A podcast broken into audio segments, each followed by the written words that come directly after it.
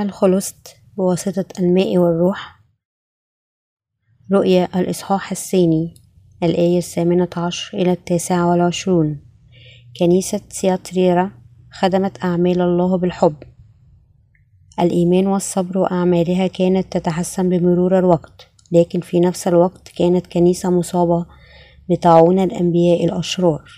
خطيتها بشكل مختلف كانت أن بعضا من أعضائها قد خدع بهؤلاء الأنبياء المزيفين الغير تائبين لأن يرتكبوا خطية عبادة الأصنام.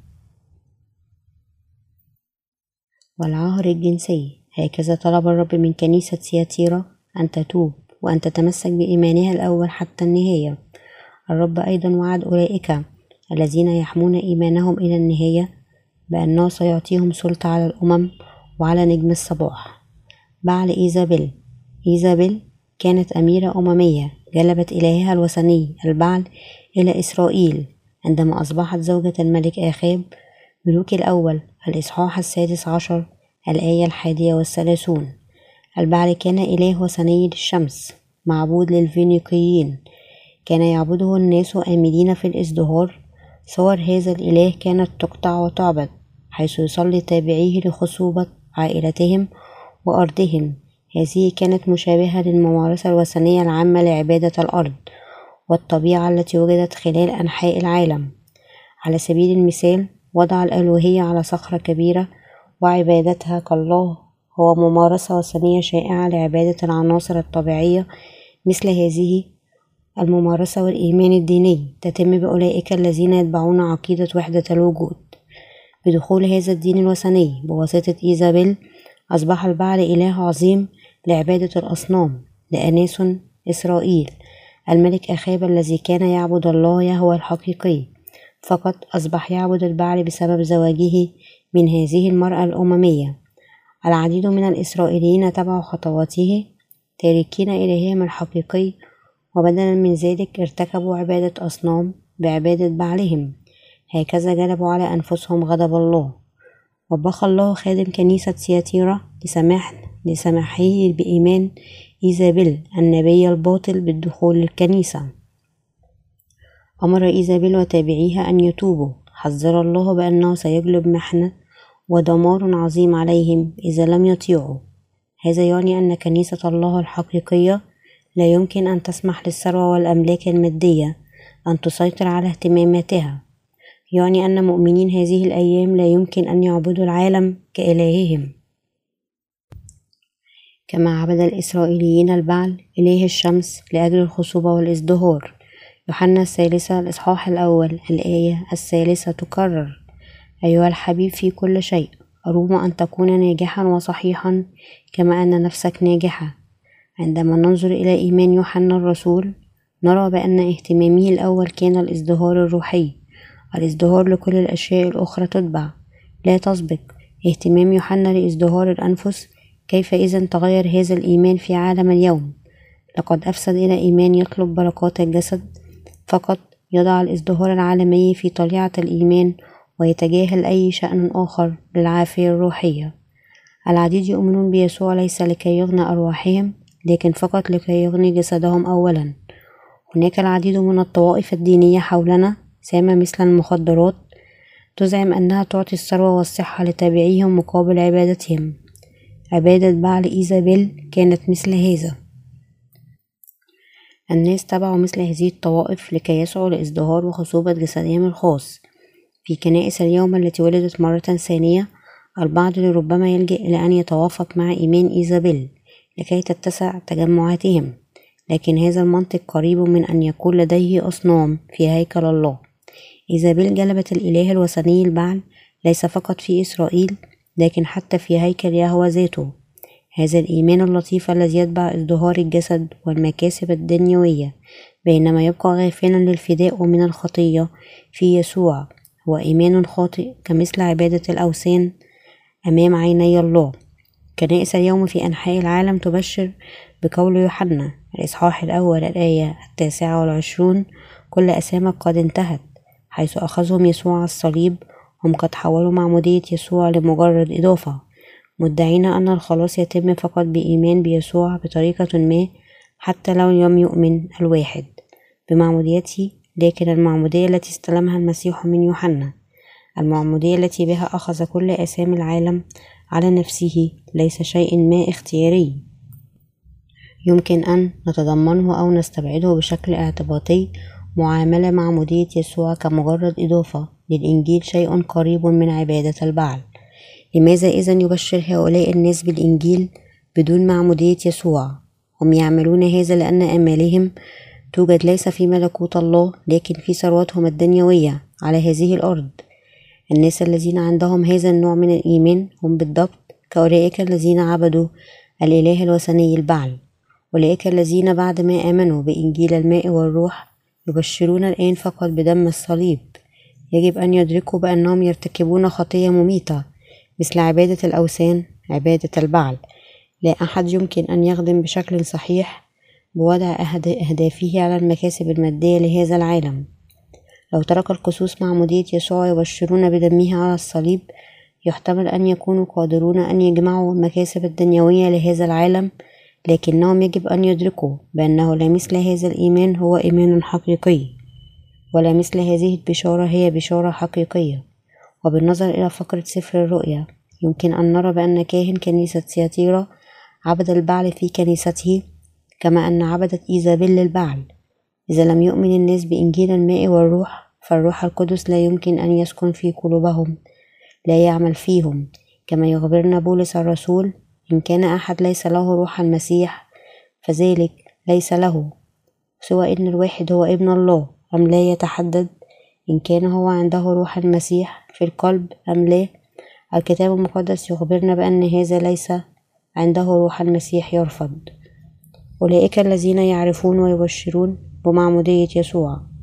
عندما يؤمن الشخص بمعمودية ماء يسوع الذي به أخذ آلي أسام العالم على نفسه وفي دمه على الصليب حينئذ يمكن أن ينسكب الروح في قلبه. عندما يؤمن الشخص بمعمودية ماء يسوع الذي به أخذ كل أسامي العالم على نفسه وفي دمه على الصليب حينئذ يمكن أن ينسكب الروح في قلبه. لكن إذا لم يؤمن الشخص بإنجيل الماء والروح إذا فحتى لو استشهد من أجل يسوع فهذا لن يكون الاستشهاد الحقيقي لكن فقط محاولا أن يؤسس بره الخاص. بعض الناس يؤمنون بدم الصليب فقط يذهبون لأبعد زاوية في العالم ليبشروا بالإنجيل يصرفون حياتهم كاملة مكرسين للخدمة حتى وفي بعض الأوقات يستشهدون إيمانهم ملهمين بحب المسيح. هكذا الناس يمكن أن يكونوا شهداء حتى إذا آمنوا بدم الصليب بدم المسيح على الصليب. لكن متى الإصحاح السابع؟ الآية السادسة والعشرون. يخبرنا أي منفعة تكون إذا رفض الرب نفسه أن يعترف بكل أعمالهم وتضحياتهم. لا يهم كم يبشرون بالإنجيل بشكل متلهف ومخلص كمثل على سبيل المثال. ما يعمله مبشر المرمون لأنهم لم يبشروا بإنجيل الماء والروح. إيمانهم وكل جهودهم سيكون دون جدوى. وبخ الله خادم كنيسة سياتيرا لأنه سمح لتابعي إيمان إيزابيل أن ينمو في الكنيسة وتحملوا نموهم الأنبياء الكذبة يدعون بأنه لكي تخلص يكفي أن تؤمن بأن في فقط بدم المسيح على الصليب بدون إدراك لأهمية معموديته لأنهم تركوا حقيقة الماء المسيحية وأفسدت وتحولت إلى واحدة من العديد من أديان العالم.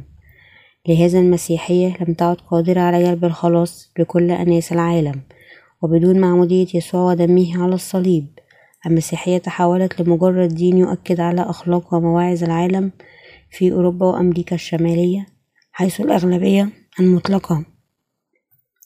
حيث الأغلبية المطلقة من السكان سبق أن كانوا مسيحيين الأديان شرقية قد أصبحت شعبية. تماما الآن لماذا؟ لأن مثل هذه المسيحية ذات الاتجاه الديني. لا تستطيع أن تعطي مغفرة الآثام والإيمان الحقيقي في الله. هكذا العديد من الناس قد انجروا للطبيعة الباطنية للأديان الشرقية. ويعتقدون أنها تعرض بدائل أفضل للأديان الغربية لكن المسيحية ليست ديانة غربية ولا شرقية. الآن هو الوقت لأن نعيد النظر في إنجيل الماء والروح وحالة مسيحية اليوم. نحتاج أن نسأل ونتأمل لماذا المسيحية الحقيقية أفسدت إلى ما عليه اليوم؟ ولماذا أصبحت مسيحية اليوم عديمة القيمة ومزعجة جدا في عيون العديد من الناس؟ إن الجواب يوجد في داخل إنجيل الماء والروح. الإيمان بيسوع بدون معرفة إنجيل الماء والروح. مثل عبادة البعل أمام عيني الله. الخاصة جدا ما هو الأكثر شرا أمام الله؟ هو رفض الإيمان بإنجيل الماء والروح كحقيقة الخلاص الحقيقي. المسيحية اليوم مشدودة ليس من قبل جمال إنجيل الماء والروح لكن من قبل جمال العالم. الكنائس السبعة في آسيا خدمت الرب بالإيمان بمعمودية يسوع ودمه على الصليب لكن ما هو موضح في الكتاب المقدس أنهم أيضا جزئيا استسلموا للعالم كلما دفع إنجيل الماء والروح خارجا بازدياد جاء العالم في مكانه ليحتل أكثر فأكثر من قلوب الناس. ماذا سيحدث إذا لم تبشر كنيسة ما بحقيقة الخلاص؟ إنجيل الولادة مرة ثانية بالماء والروح وبدلا تبشر فقط بدم الصليب. أثير هذا السؤال لأن حتى كنيسة الله إذا تبعت العالم ستكون قريبة مفسدة بواسطة العالم وليس بعد زمن طويل منذ بدأ أن تزعم أنها موافقة على تجاهل معمودية يسوع. لكي تخلص لهذا أنا أعيد فحص وتكرار هذه النقطة المهمة من خلال كلمة الله.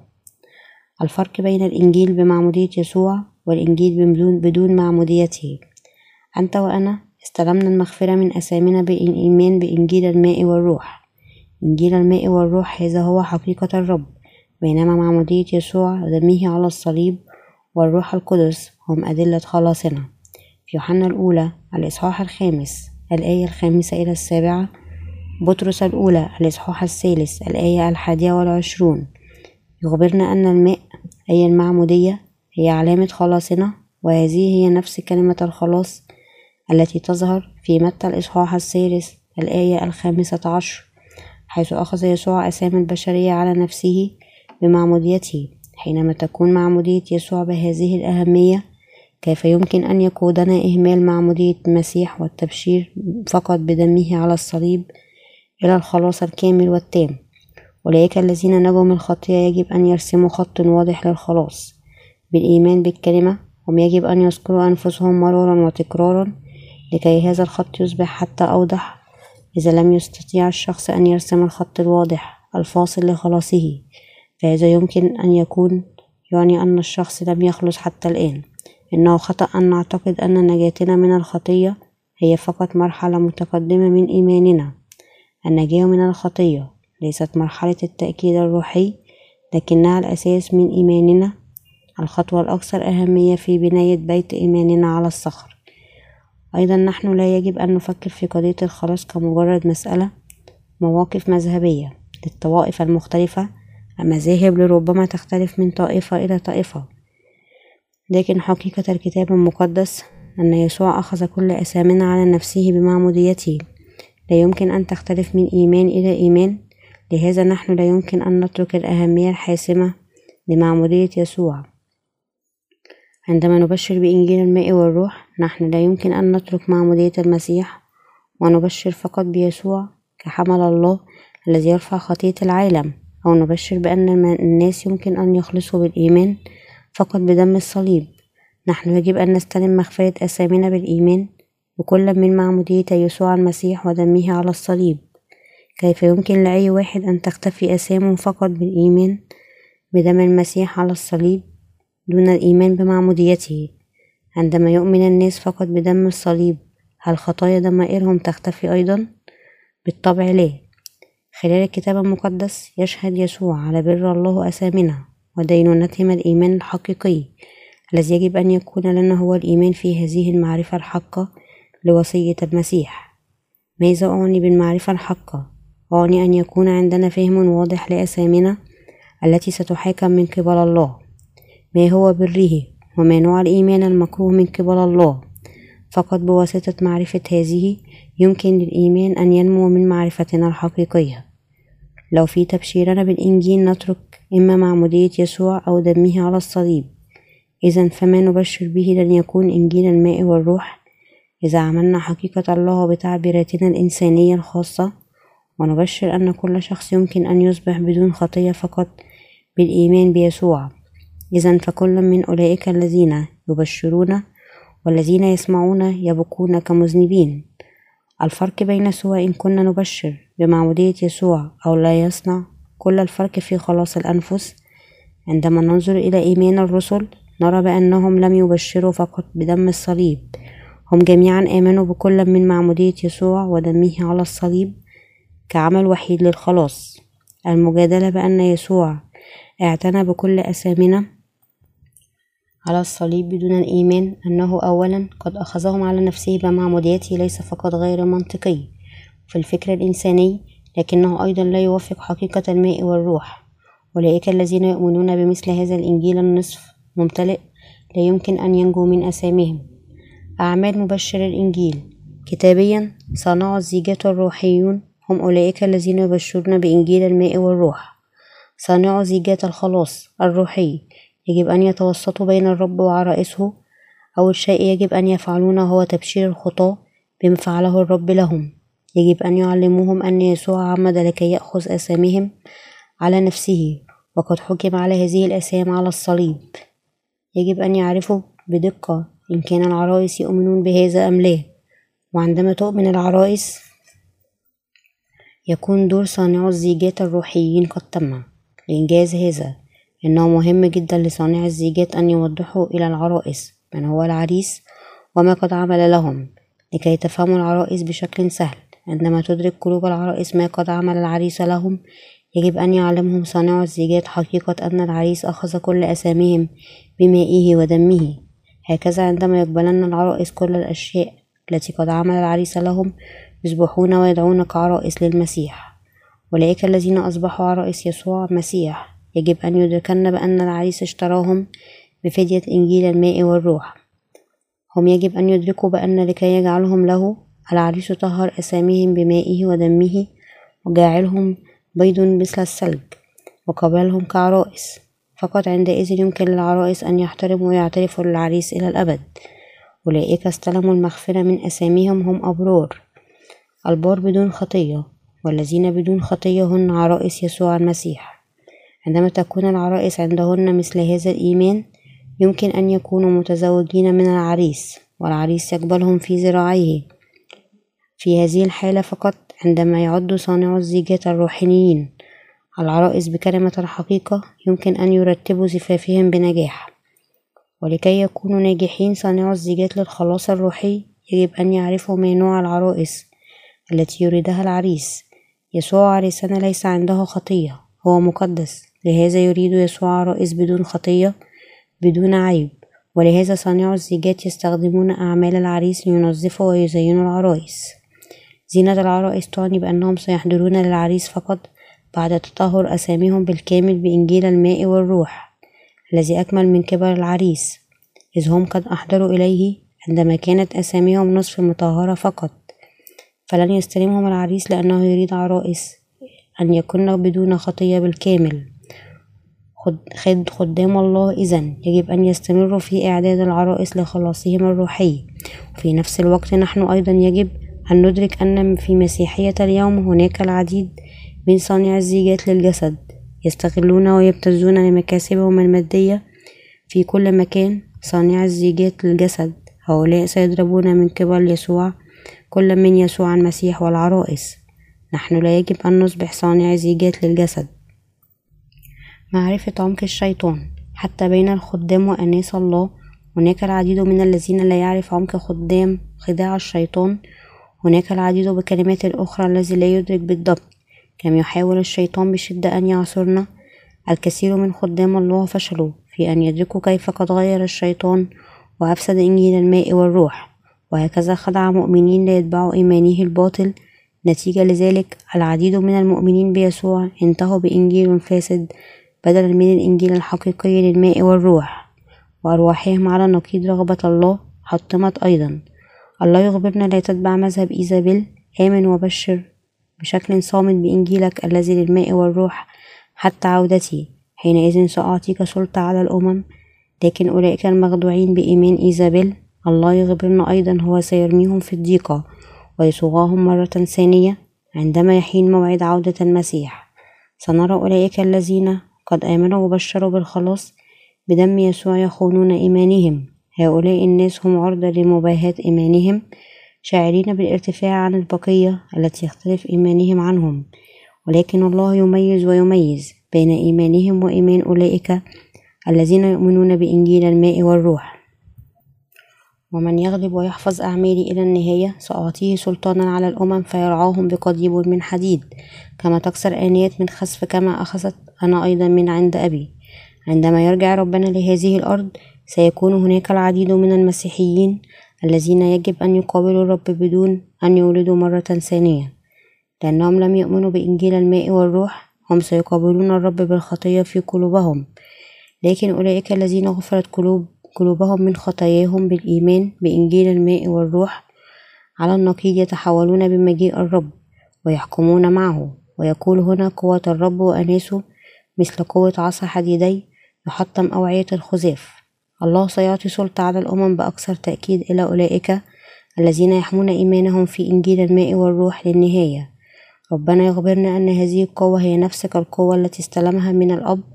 نحن يجب أن نقاتل ضد ونتغلب على الأنبياء المزيفين مثل إيزابيل وبلعام لنحكم للأبد بهذه السلطة على الأمم التي سيعطيها لنا الرب.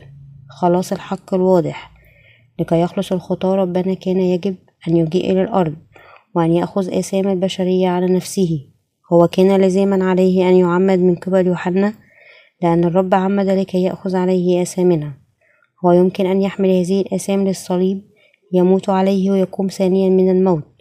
وهو قد عمل هذه الأفعال البرة لنا لأنه لم يعد قادرا أن يرى البشرية تستمر في أن ترتكب وتكافح مع آثامها. إن إنجيل الماء والروح هو الحقيقة التي يمكن أن تنجيك من كل آثامك. وربنا يمكن أن يصبح المخلص لكل أولئك الذين يؤمنون بالإنجيل الماء والروح لأن الرب كان لزاما عليه أن يعمد من قبل يوحنا واستطاع أن يثمر إلى هذه النتيجة العجيبة المشهودة لها في يوحنا الإصحاح الأول الآية التاسعة والعشرون ويوحنا الإصحاح التاسع عشر الآية الثلاثون. هوذا حمل الله الذي يرفع خطية العالم وقد أكمل. أولئك الذين عنده إيمان قوي بفدائهم خلال كلمة الله هذه قادرين أن يكون عندهم إيمان قوي فيه لأنهم يعرفون يسوع. اعتنى بكل أساميهم بمعموديته نحن يجب أن ننظر بصدق في قلوبنا الخاصة لأننا لم نؤمن بإنجيل الماء والروح. إذا لم نؤمن أسامنا ستستمر حاضرة في قلوبنا. عندما نأخذ نظرة قريبة على قلوب أولئك الذين يهملون معمودية يسوع ونؤمن بدمه على الصليب نرى بأن وجود الخطية في قلوبهم لا يمكن أن ينكر. نحن يجب أن نوجه انتباه خصوصي إلى معمودية يسوع من قبل يوحنا المعمدان ونؤمن بها حتى بأكثر قوة فنحن لا يمكن أن نضيف أو ننقص أفكارنا الخاصة لكلمة الله. يجب علينا آلنا أن نحارب الأناجيل الباطلة ويمكن أن يحطموا إيمان أولئك الذين يؤمنون بإنجيل الماء والروح. يسوع بنفسه أخبرنا تحرزوا من خمير الفريسيين. الخميرة هنا لا تشير إلى ذلك النوع المستخدم لصنع سوائل أو خبز لكن إلى الإنجيل. الذي ليس عنده معمودية يسوع. نحن يجب أن نعرف وأن نؤمن بالحقيقة بأن يسوع حمل أسام العالم إلى الصليب بأخذهم على نفسه بمعموديته وأنه قد أصبح مخلصنا الحقيقي بكونه صلب على الصليب وقام من الموت مرة ثانية. من جانبه يسوع استلم كل أسام العالم بمعموديته من قبل يوحنا وجعلهم يختفون كلهم بدمه على الصليب لكل من جانب الناس.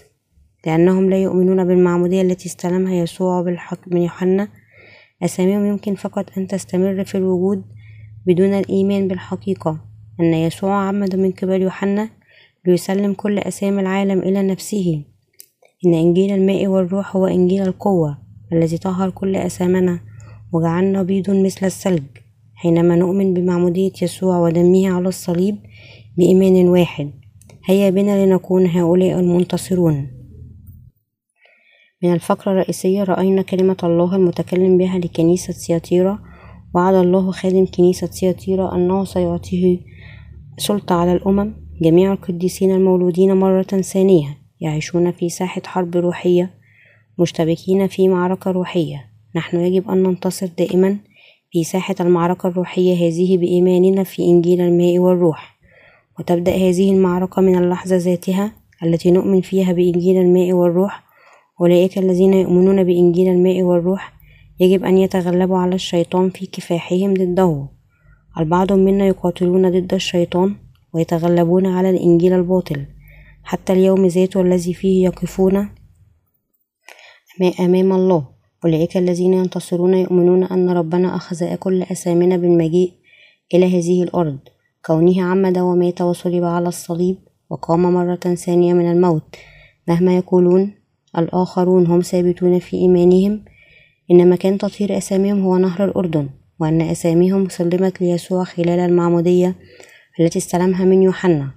ربنا أمرنا أن نقاتل ونتغلب على الشيطان. جسدنا لربما يعمل بشدة ويتعب في بعض الأوقات لكن إيماننا في إنجيل الماء والروح لا يمكن أن يفقد حربه ضد الأناجيل الباطلة. يخبرنا الرب ادخلوا من الباب الضيق لأنه واسع الباب ورحب الطريق. الذي يؤدي إلى الهلاك وكثيرون هم الذين يدخلون منه. ما أضيق الباب وأقرب الطريق الذي يؤدي إلى الحياة وقليلون هم الذين يجدونه. متى الإصحاح السابع؟ الآية الثالثة عشر إلى الرابعة عشر. نبي العهد القديم إيليا. حارب وانتصر على أكثر من ثمانمائة وخمسون كاهن للبعل بولس الرسول أيضا قال بأنه ليس هناك إنجيل آخر غير ما ينشره غلطي الإصحاح الأول الآية السابعة وإنجيل بولس هذا لم يكن سوى الإيمان بمعمودية يسوع ودمه على الصليب. أولئك الذين يؤمنون بهذا الإنجيل بينما هم لربما ما زالوا عندهم بعض العيوب حتى بعد مولدهم مرة ثانية. ليس عندهم خطية في قلوبهم مهما كان إلى الأبد. ربنا طهر كل أسامنا بماء بمائه واستلم كل الحكم لهم بدمه معمودية يسوع ودمه على الصليب قد جلب فداء أبدي لكل من يؤمن. إلى أولئك المخلصين. الرب يعطي القوة لكي يحموا إيمانهم لكي يقاتلوا ولكي ينتصروا إلى النهاية.